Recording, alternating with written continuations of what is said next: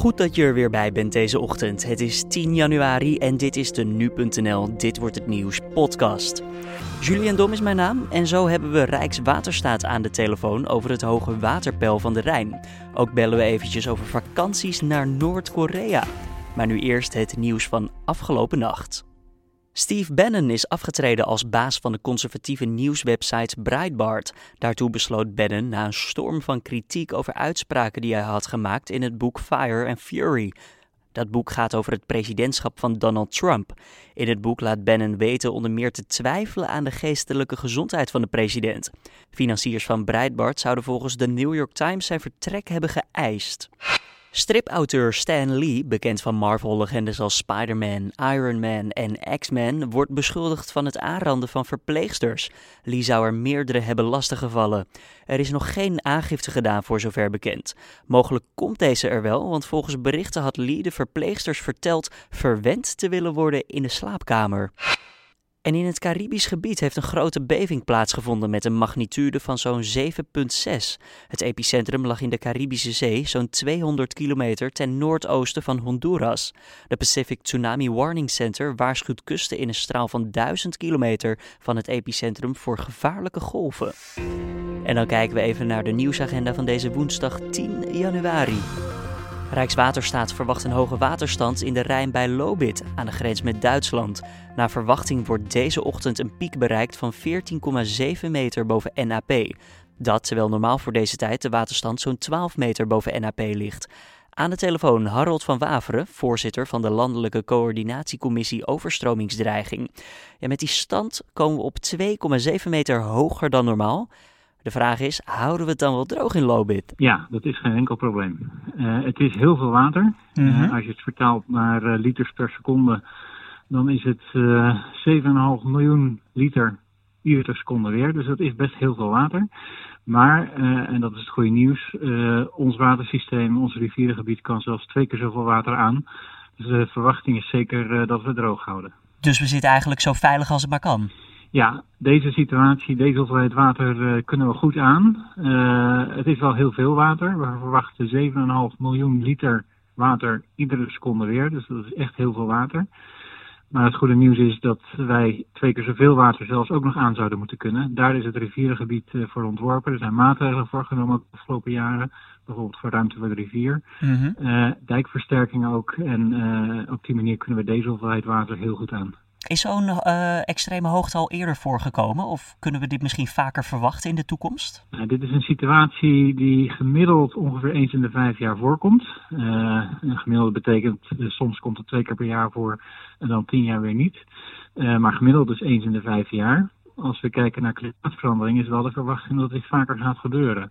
Maar zo, zoals u net al zei, is Nederland daar dus wel op voorbereid. We kunnen veel meer water aan. We kunnen nu al veel meer water aan. En daarnaast, uh, we gaan ook gewoon nog door met dijkversterkingen. Uh, waterveiligheid uh, in Nederland, dat is gewoon nooit af. daar moet je continu aan werken. Dat betekent ook dat als we met dijkversterkingen nu bezig gaan, dat doen we dan voor 50 jaar vooruit. En dan houden we ook wel rekening met klimaatverandering 50 jaar vooruit. Uh, dus ook uh, die toekomstige veranderingen, daar houden we nu al rekening mee. Laten we dan even kijken naar de situatie in Duitsland, want de dijken zitten daar iets anders in elkaar. Um, als er daar een dijk doorbreekt, dan kan er alsnog gevaar voor Nederland komen volgens mij. Is er overleg met onze oosterburen? Ja, we hebben heel intensief overleg, uh, zowel regionaal, het waterschap Rijn en IJssel bijvoorbeeld, uh, met de collega's aan de andere kant van de grens. Daarnaast heeft ook Rijkswaterstaat en het ministerie contact met de collega's over de grens. En daarbij worden ook altijd de plannen voor de komende jaren doorgesproken. En daarbij hebben we met de Duitsers ook afgesproken dat zij, net als wij, ook werken aan ruimte voor de rivier. Om ervoor te zorgen dat als die extra hoeveelheid water komt, ja. uh, dat dat niet tot heel veel hogere waterstanden leidt. En luisteren ze een beetje, de buren? Ja, we hebben een hele goede samenwerking. En ik moet er ook wel meteen bij zeggen, op dit moment zijn de dijken in Duitsland ook veel minder sterk dan in Nederland. Uh, en ze hebben daar ook nu al wateroverlast bijvoorbeeld in de buurt van Düsseldorf, Keulen gehad, uh, Bonn. Komt dat omdat dijken zijn doorgebroken? Nou, het is daar vooral omdat ze wat lager zijn vaak dan in Nederland. Oké. Okay. Um, en als wij wateroverlast hebben of een overstroming, ja, dan maken wij ook onze dijken sterker en hoger. En dat kan je natuurlijk de Duitsers ook niet ontzeggen.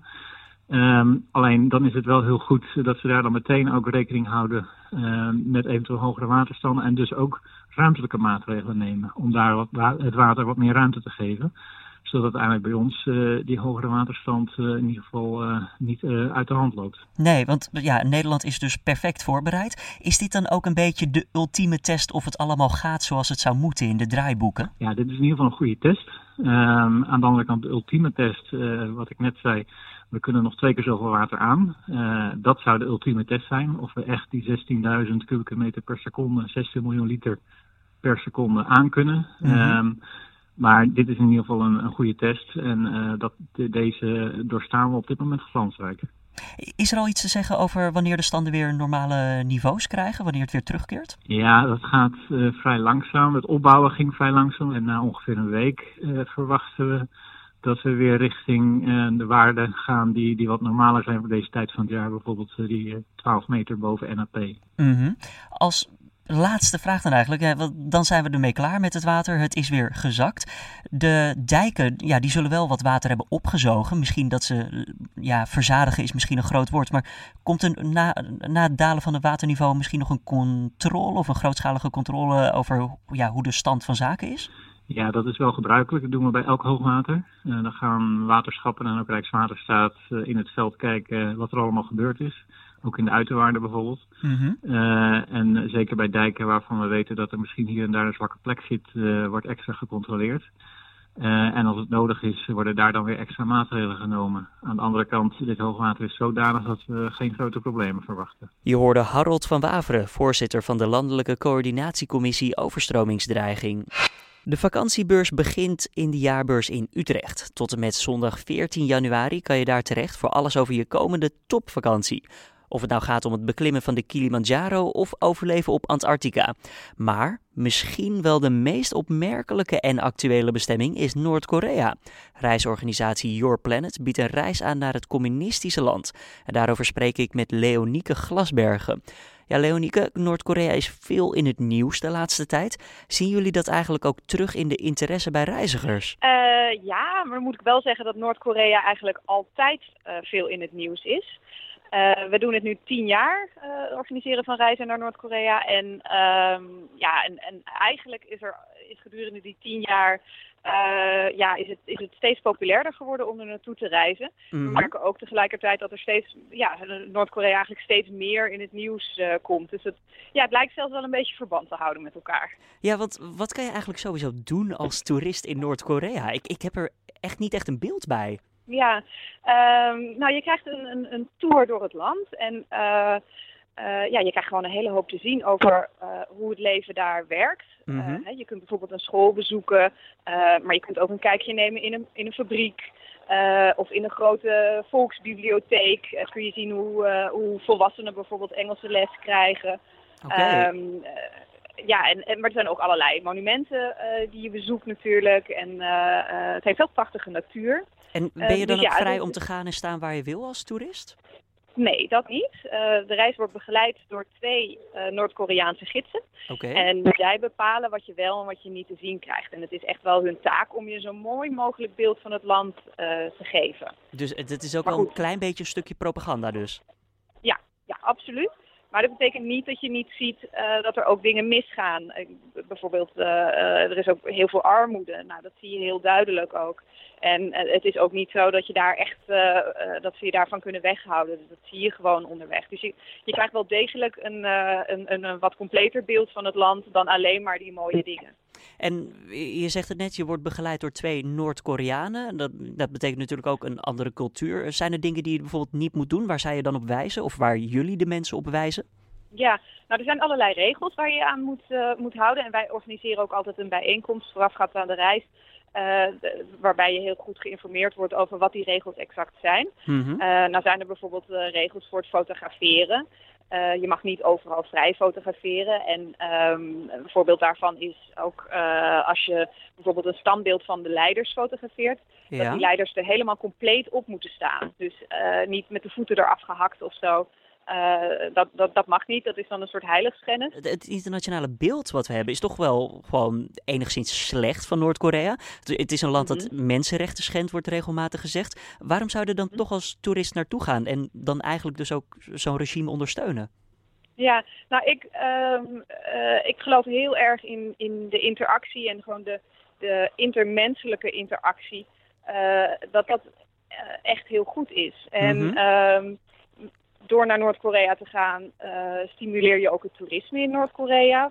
wat natuurlijk gewoon een, een vredelievende economische ontwikkeling is. En, ja, en daarmee help je het land ook nou ja, die economische sector op te bouwen. En dat, ja, dat, dan, dat gaat om hotels, om restaurants. Daar moeten een heleboel mensen een boterham aan verdienen. Serveersters, schoonmaaksters, maar ook chauffeurs, gidsen, ja. nou ja, enzovoort, enzovoort. Ben je er zelf eigenlijk ooit geweest? Ik ben er nu zeven keer geweest. zeven keer? Ja. Dat is aardig wat. Verwacht, ja, ja, ja. en ik verwacht in augustus, september uh, weer te gaan. Oké. Uh, met een heel bijzondere reis. Ja, het is in ieder geval een goed teken dat je elke keer weer bent teruggekomen. Dat, eh, daar zijn we blij ja, mee. Ja, ja, ja. ja, en misschien een gekke vraag, wat eet, wat eet je in Noord-Korea? Oh, um, ja, uh, kimchi. Veel kimchi. Dat, is een, um, dat is echt een Koreaans gerecht. Dat is gefermenteerde kool. super gezond. Oké. best wel pittig ook. Um, Klinkt een beetje als een nou, superfood bijna. Ja, ja, ja, absoluut. Dat is het echt. En uh, het is heel gezond voor de, voor de darmbacteriën. Uh, en uh, ja, allerlei soorten vis, vis vlees, groenten. Uh, en dan, ja, meestal als je al helemaal vol zit, dan komt daarna pas de rijst. en, en daarna, aan het einde, komt nog de. En um, ja, is het moeilijk om het land binnen te komen qua visa? Als je een stempel hebt, bijvoorbeeld in je paspoort van Amerika, kan je dan ook daarnaast een stempel van Noord-Korea krijgen? Ja, dat is geen enkel probleem. Uh, het is alleen voor journalisten is het lastig en voor professioneel fotogra fotografen. Maar uh, voor, ja, als, als, dat niet je beroep is, dan is het geen enkel probleem en is het eigenlijk heel gemakkelijk. En er wordt wel eens gezegd dat er een quotum is en dat het heel moeilijk is om Noord-Korea binnen te komen. Dat is echt allemaal onzin. ze, ze willen heel graag ja, westerse bezoekers hebben willen heel graag toeristen hebben. Dus uh, ja, uh, je bent van harte welkom. Zelf naar Noord-Korea kan dus zeker. Mocht je interesse hebben, ga dan langs bij de booth van Your Planet op de vakantiebeurs in Utrecht. Of check even de website via jouwnoordkoreareis.nl. Meer dan 900 schademeldingen zijn inmiddels binnengekomen bij het Centrum Veilig Wonen na de aardbeving in Groningen van maandag. De beving met een magnitude van 3,4 was de zwaarste sinds 2012 in de provincie. De Nederlandse aardoliemaatschappij, beter bekend als de NAM, moet binnen 48 uur met een analyse komen en maatregelen voorstellen aan het staatstoezicht op de mijnen. Die deadline verloopt rond 3 uur vanmiddag. Meer daarover lees je dan uiteraard op nu.nl. Michael P. staat voor het eerst voor de rechter in de zogeheten proforma-zitting in de zaak over de vermissing en dood van de 25-jarige Anne Faber. De 27-jarige P wordt verdacht van moord of doodslag, ontvoering en verkrachting. P was al eerder veroordeeld voor de verkrachting en mishandeling van twee minderjarige meisjes. In die zaak wilde hij niet meewerken aan een psychiatrisch onderzoek. Hierdoor zat P niet vast in een gesloten inrichting, maar in een kliniek in Den Dolder, waar hij meer vrijheden had. Voor de zaak rond de dood van Anne Faber heeft P wel gezegd mee te willen werken aan een onderzoek naar zijn geestelijke gezondheid. Noord- en Zuid-Korea hebben met ingang van vandaag weer beschikking over een militaire hotline. Het noorden heeft technisch onderhoud voltooid, waardoor de speciale verbinding tussen beide landen is hersteld. Het is een van de stappen die Noord- en Zuid-Korea hebben gezet om het contact met elkaar wat op te schroeven.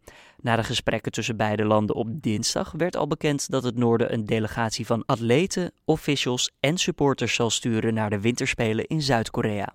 Piet Hoekstra, de nieuwe ambassadeur van de Verenigde Staten in Nederland, zal in Paleis Noordeinde zijn geloofsbrieven aan koning Willem-Alexander aanbieden. Dergelijke geloofsbrieven zijn schriftelijke bewijsstukken dat iemand bevoegd is benoemd te worden tot een bepaalde functie. Hoekstra kwam vorig jaar in opspraak omdat hij in een interview met een verslaggever van Nieuwsuur eerdere uitspraken over het feit dat er in Nederland gebieden zijn waar je beter niet kunt komen ontkende. Dan kijken we nu even naar een mediaoverzicht van vandaag. Wat schrijven de kranten? Kinderartsen slaan alarm over de heftige en soms dodelijke gevolgen van het inslikken van een kleine batterij. Het AD schrijft dat alleen al vorige week drie kinderen met ernstige verwondingen in het Erasmus MC belanden. Het gaat om de ronde en platte knoopcelbatterijtjes die vaak in afstandsbedieningen, fietslampjes en speelgoed zitten. De batterijen kunnen bijtend zuur lekken dat al binnen een uur een gat in de slokdarm kan branden. En sinds 2008 zijn door de batterij zeker 16 kinderen in Nederland ernstig gehandicapt geraakt. De Kamerleden van DENK willen een videoscheidsrechter in de Tweede Kamer die moet gaan beoordelen of voorzitter Khadija Ariep en haar vervangers hun werk wel eerlijk doen. De Telegraaf meldt dat een onafhankelijke en transparante klachtafwikkeling volgens de partij nodig is, bijvoorbeeld als de voorzitter iemand het woord ontneemt.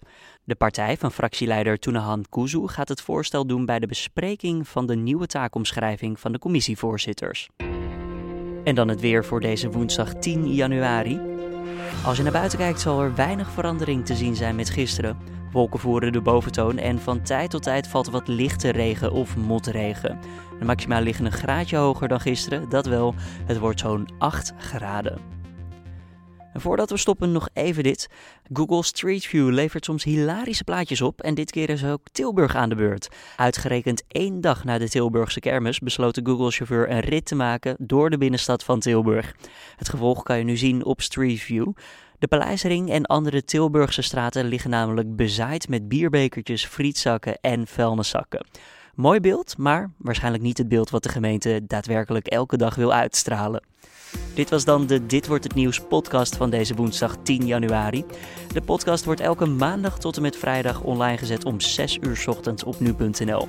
Mocht je een reactie hebben, dan kan je altijd even mailen naar redactieapenstaartje nu.nl. Voor nu, tot morgen.